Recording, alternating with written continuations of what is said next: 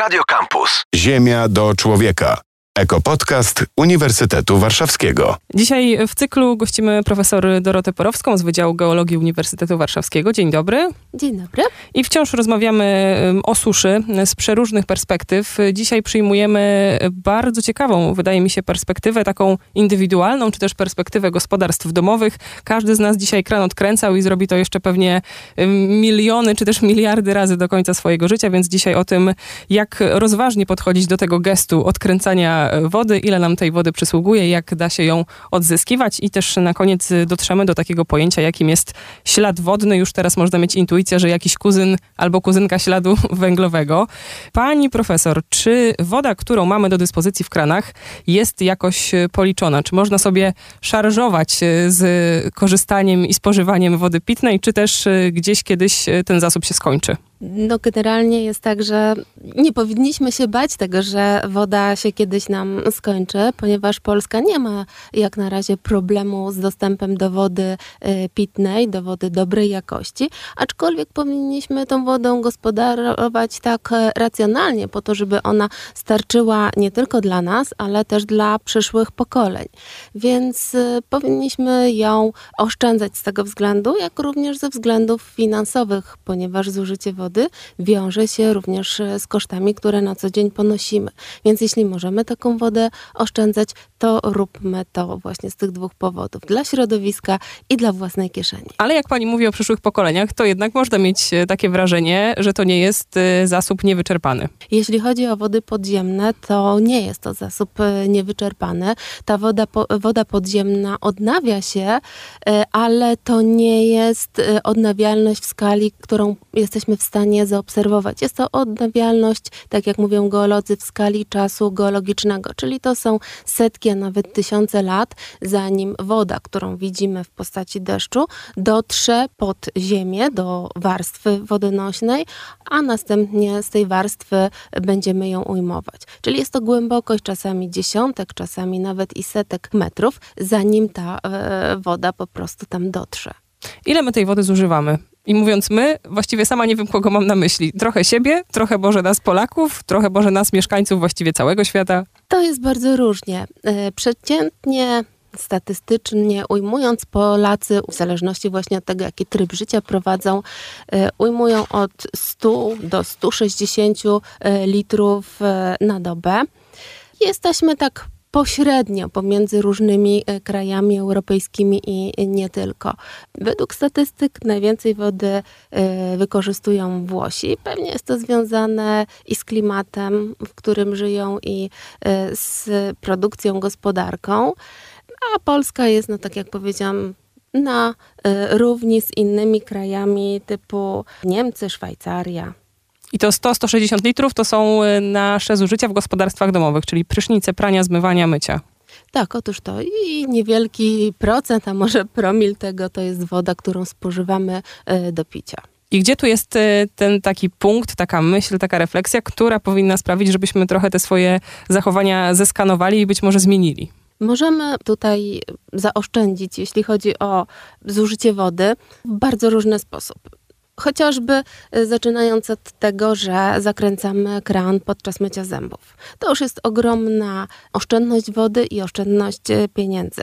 Wybierając na przykład szybki prysznic zamiast y, kąpieli w dużej wannie z dużą ilością wody. I też zakręcamy, kiedy się namydlamy pewnie. Otóż tak, także tak zaczynając od takich małych kroczków i zaczynając od siebie, od pojedynczego człowieka.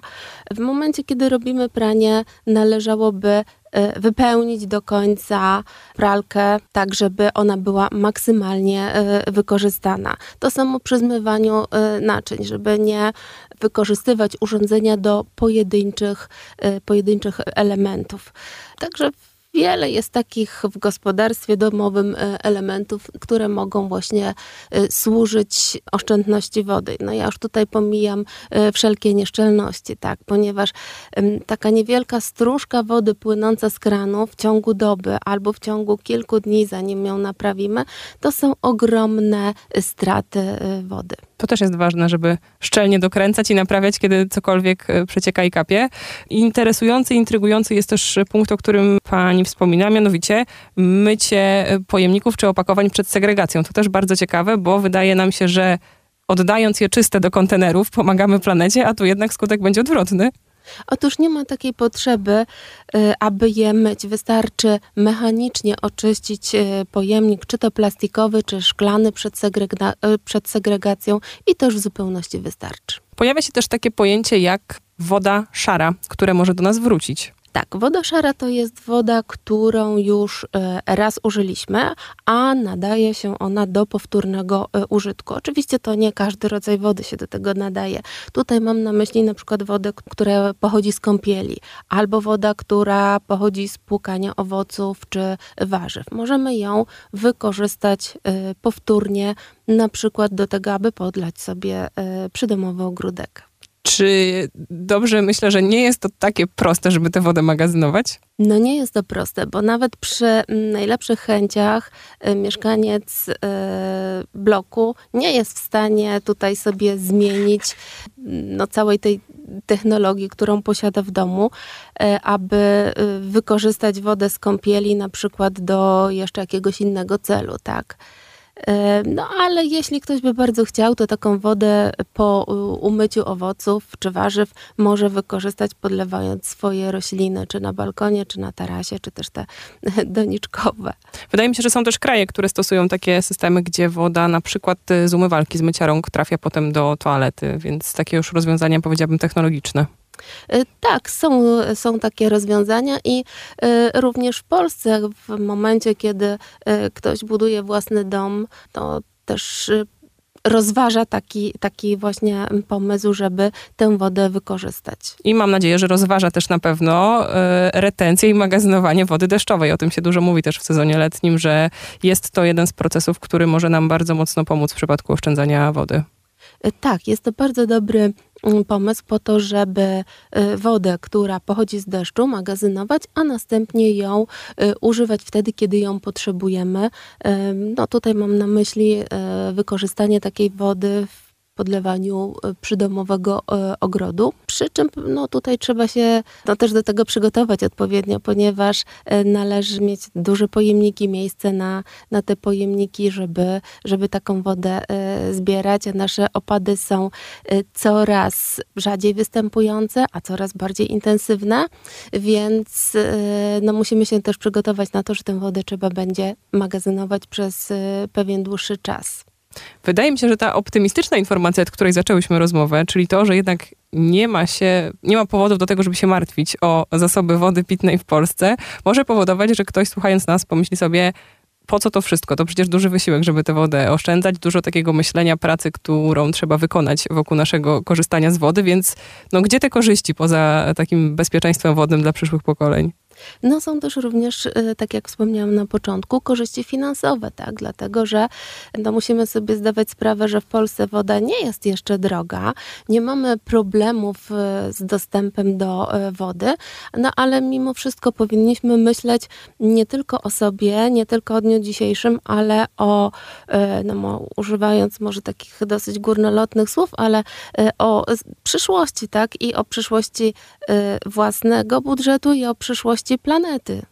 Ślad wodny to jest to pojęcie, którym chciałabym, żebyśmy się zajęły i faktycznie pochodna śladu węglowego to gdzieś e, w tej samej kategorii logicznej funkcjonuje? Jeśli chodzi o ślad wodny, to wygląda w ten sposób, że mm, ślad wodny dzieli się jakby na dwie składowe. Pierwszą składową to jest to bezpośrednie zużycie wody, o którym e, no dzisiaj już dosyć dużo było powiedziane, e, czyli to zużycie do celów własnych, powiedziałabym. Takie zużycie, które jesteśmy w stanie zobaczyć, policzyć i ewentualnie ograniczyć, tak? Czyli to jest woda do picia, woda na potrzeby e, gospodarcze naszego domu. Natomiast druga składowa to jest pośrednie zużycie wody, czyli to jest to zużycie wody, które jest wykorzystywane do wytworzenia produktów, które wykorzystujemy. Czyli na przykład e, jest to woda, która została wykorzystana do tego, aby no, wyprodukować pożywienie, które e, spożywamy, wyprodukować materiały i urządzenia, z których korzystamy. I generalnie jest tak, że im bardziej zaawansowana technologia, tym większe jest zużycie wody.